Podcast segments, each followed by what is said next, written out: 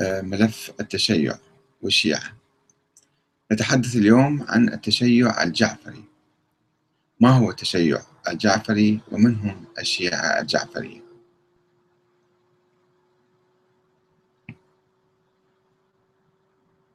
أدت نظرية التشيع الديني التي تحدثنا عنها في حلقة سابقة وقلنا أنها أن هذا النوع من التشيع ولد في القرن الثاني الهجري وهو يختلف عن التشيع السياسي. التشيع السياسي كان يعتقد بالولاء والحب والتبعية والمشايعة لأئمة أهل البيت. آه، لم يكن يعتقد أكثر من ذلك. كما كان مثلا آه، مواطني الدولة الإسلامية في زمن الإمام علي عليه السلام كلهم يعتقدون بالتبعية له والولاء والحب والخضوع له ولم يكونوا يعتقدون أكثر من ذلك ما عدا شخص أو أشخاص معدودين كانوا مثلا يغالون فيه. آه، وقلنا أن التشيع مر بمراحل آه، عديدة وفي آه، القرن الثاني الهجري في زمن الإمام محمد الباقر هو كان يقول ذلك أم نسب إليه هذا الكلام؟ الله أعلم. لا نملك دليلا قاطعا على أن الإمام محمد الباقر هو الذي أسس هذا المذهب. إنما هناك في الكافي مثلا وفي مصادر الشيعة الإمامية والإثنى عشرية أحاديث كثيرة تنسب إلى الإمام الباقر والصادق. وهي كتبت بعد 200 سنة. ولا نستطيع أن نتأكد منها تماما. مهما طبقنا علم الرجال يعني نخلنا الأحاديث ودققنا بالرواة وكذا فكانت روايات متناقضة جدا. آه، هناك نفي من الإمام الباقر والصادق لنظرية الإمامة والتشيع الديني وهناك إثبات وروايات تثبت ذلك. تحتاج إلى يعني آه، تعمق كثير حتى ربما يكاد يعني يقف الإنسان على حقيقة معينة. وهذا شيء من الصعب جدا. الواحد يجي بعد مئات السنين بعد أكثر من ألف سنة وينقب في الروايات ويتأكد من آه، الحقائق. لأن الروايات التي تأتي مثلا من الأئمة بالذات من الإمام باقر والصادق تأتي تحت ستار التقية. ستار التقية آه، رجال كانوا يروون أحاديث عن الإمام الباقر والصادق وعندما يسألون الأئمة بالذات الإمام الصادق كان ينفي هذه الأحاديث ويرفضها. ولكن هؤلاء يقولون الإمام ينفي تقية أو تقية وهو بالحقيقة كان يتبنى هذه الأشياء. والرجال الذين يرون في حقهم هناك أيضا روايات من الأئمة بمدحهم وبذمهم. فلا نعرف أن هؤلاء الرجال يعني مثل زرارة مثل الفضل بن عمر كانوا ممدوحين حقيقة أم كانوا مذمومين في الواقع. والأئمة كانوا يتبرؤون من عندهم وحركة التزوير كانت قوية جدا في تلك الأيام حتى رفعوا الأئمة إلى مستوى الآلهة أن الإله تجسد فيهم وهؤلاء كانوا ربما من بقايا المسيحيين الذين مثل محمد بن مقلاص الأسدي أبو الخطاب الذي تحدثنا عنه أيضا في حلقة سابقة عن الغلو والغلاة. هذا كان يعتقد أن أول شيء قال الإمام صادق نبي يوحى إليه الملائكة تنزل عليه وما إلى ذلك ثم ترقى بالغلو وقال أنه لا الله تجسد فيه آه، والعياذ بالله. هؤلاء غلاة يعني خرجوا من الإسلام وخرجوا من آه، آه، من التشيع ولعنهم أهل البيت.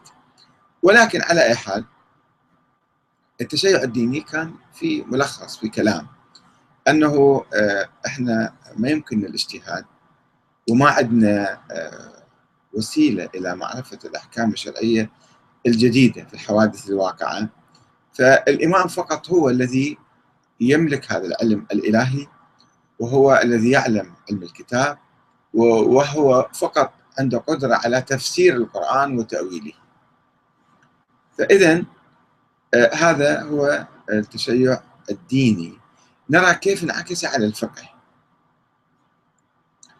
أدت نظرية التشيع الديني ودعوى امتلاك الإمام من أهل البيت وحده لعلم الكتاب.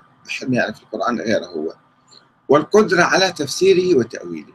هذه النظرية أدت إلى تحويل أئمة أهل البيت إلى مصدر تشريعي جديد إلى جانب القرآن الكريم والسنة النبوية.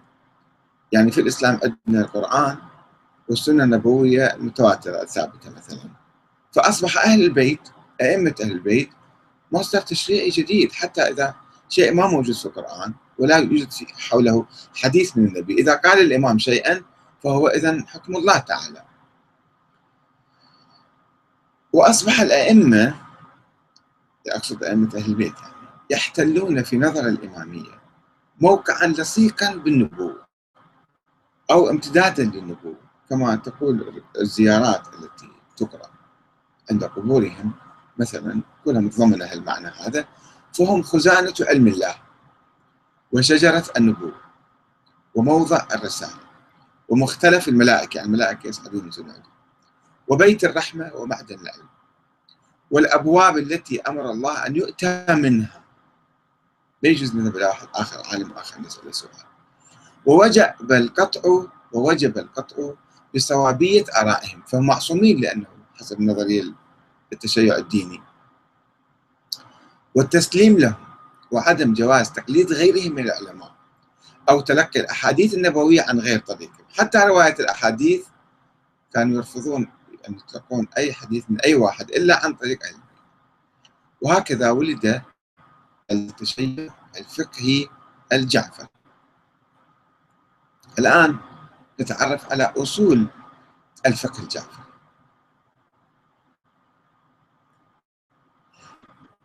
أصول المذهب السني في حلقة سابقة وقلنا أن الحديث بصورة عامة الحديث الواسع وأيضا الإجماع. أما أصول المذهب الجعفري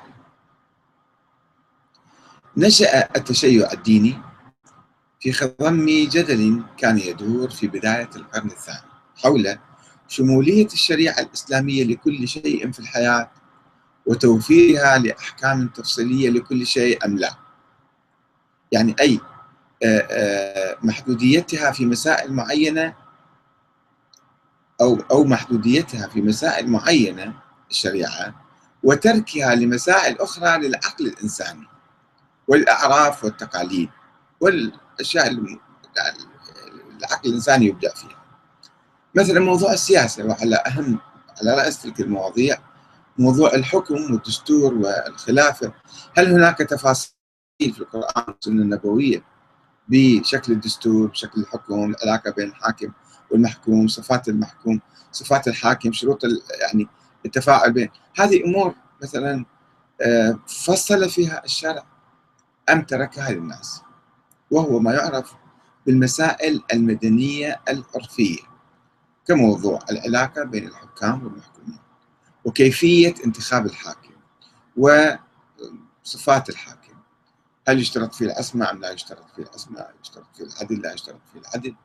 وجواز الاجتهاد وقياس المسائل الحادثة على المسائل المشابهة المعلومة في الشريعة الإسلامية. هذا يسمى الاجتهاد استنباط الأحكام الشرعية من المبادئ العامة في القرآن والسنة النبوية.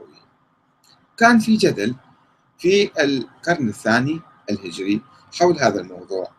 أن الشريعة شاملة لكل شيء أم هي محدودة في بعض المسائل ومسائل أخرى متروكة للعقل الإنساني للناس يعني عموما في كل زمان ومكان يجتهدون لكي يستنبطوا الأحكام التي تناسبهم. وهذه خارج إطار الشريعة.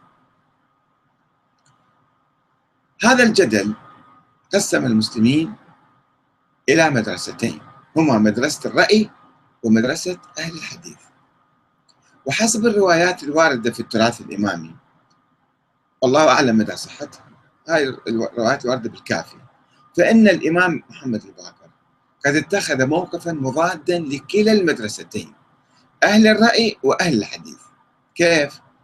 حيث أكد في البداية مبدأ شمولية الشريعة لكل شيء في الحياة حسب الأحاديث الواردة. عن في الحياة. وقال إن الله تبارك وتعالى لم يدع شيئا تحتاج إليه الأمة إلا أنزله في كتابه وبينه لرسوله صلى الله عليه وسلم وجعل لكل شيء حدا وجعل عليه دليلا يدل عليه وجعل على من تعدى ذلك الحد ذلك الحد حدا. يعني ما يجوز واحد يخرج عن هذا الحد. ولكن الإمام الباقر اتخذ موقفا سلبيا من استعمال القياس في استنباط أحكام جديدة في الحوادث الواقعة. وفي نفس الوقت خاض معركة حامية مع أهل الحديث ونادى بالعودة إلى القرآن والاحتجاج به. وحذر من التصديق بالأحاديث الكاذبة على الله التي يكذبها القرآن ويتبرأ منها ومن حملتها ورواتها لأنه كما تعرفون تلك الأيام كثرت الروايات وتناسلت وتفرعت وفرخت مئات آلاف مئات آلاف الروايات ظهرت ذيك الأيام. كل واحد صار يروي رواية. فلذلك الإمام قال لا يجوز أحد يأخذ من الروايات إلا عن طريق البيت وهكذا رفض الإمام جعفر بن محمد الصادق آه، مذهب أهل الرأي الذين كانوا يقولون بالقياس والاجتهاد. وذهب إلى وجود النصوص الشرعية في كل شيء. من يعرف تلك النصوص؟ أئمة أهل البيت. بناء على فكرة تبيان كل شيء في الكتاب والسنة. أن الله تعالى بين كل شيء أحكام كل شيء حتى الحوادث الواقعة في الكتاب والسنة. وعدم وجود منطقة فراغ كما قال السيد محمد باكر الصدر مثلا مؤخرا. آه، أنه هناك منطقة فراغ لا قال ما في شيء اسمه منطقة فراغ تحتاج إلى الرأي والاجتهاد حيث قال إن الله تبارك وتعالى أنزل في القرآن تبيان كل شيء نفس ما قال الإمام باكر والله ما ترك الله شيئا يحتاج إليه العباد حتى لا يستطيع عبد يقول لو كان هذا أنزل, أنزل في القرآن. إلا وقد أنزله الله فيه. وأيضا قال ما من شيء إلا وفيه كتاب أو سنة. وما من أمر يختلف فيه اثنان إلا وله أصل في كتاب الله عز وجل. ولكن لا تبلغه عقول الرجال. ما يستطيعون يعرفون هذا الشيء بالاجتهاد وبالنظر وبالقياس.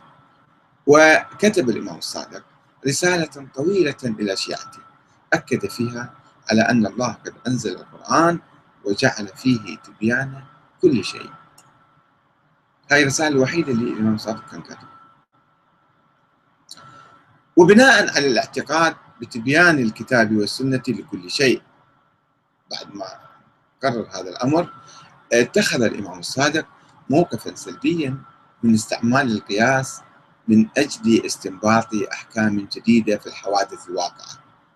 وقال إن أصحاب المقاييس طلبوا العلم بالمقاييس فلم تزدهم المقاييس من الحق إلا بعدا وإن دين الله لا يصاب بالمقاييس أو مقاييس وقال لتلميذه أبان إن السنة لا تقاس.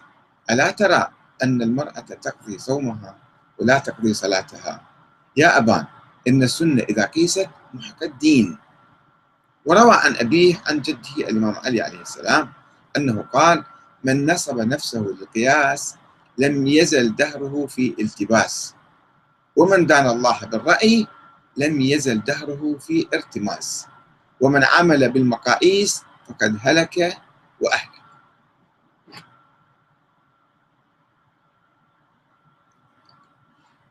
وانتقد الإمام الصادق فقيه أهل العراق المعاصر له عبد الله بن شبرمة قائلا لو علم ابن شبرمة من أين هلك الناس ما دان بالمقاييس؟ هذا كان مجتهد يحاول يجتهد وما يؤمن بأن العلم محصور عند الإمام الصادق أو عند أهل البيت. فالمسائل الحادثة كان يجتهد بها. الإمام يدينه. يقول لو علم من أين هلك الناس ما دان بالمقاييس ولا عمل بها. واشتهر عن الإمام الصادق قوله القياس ليس من ديني.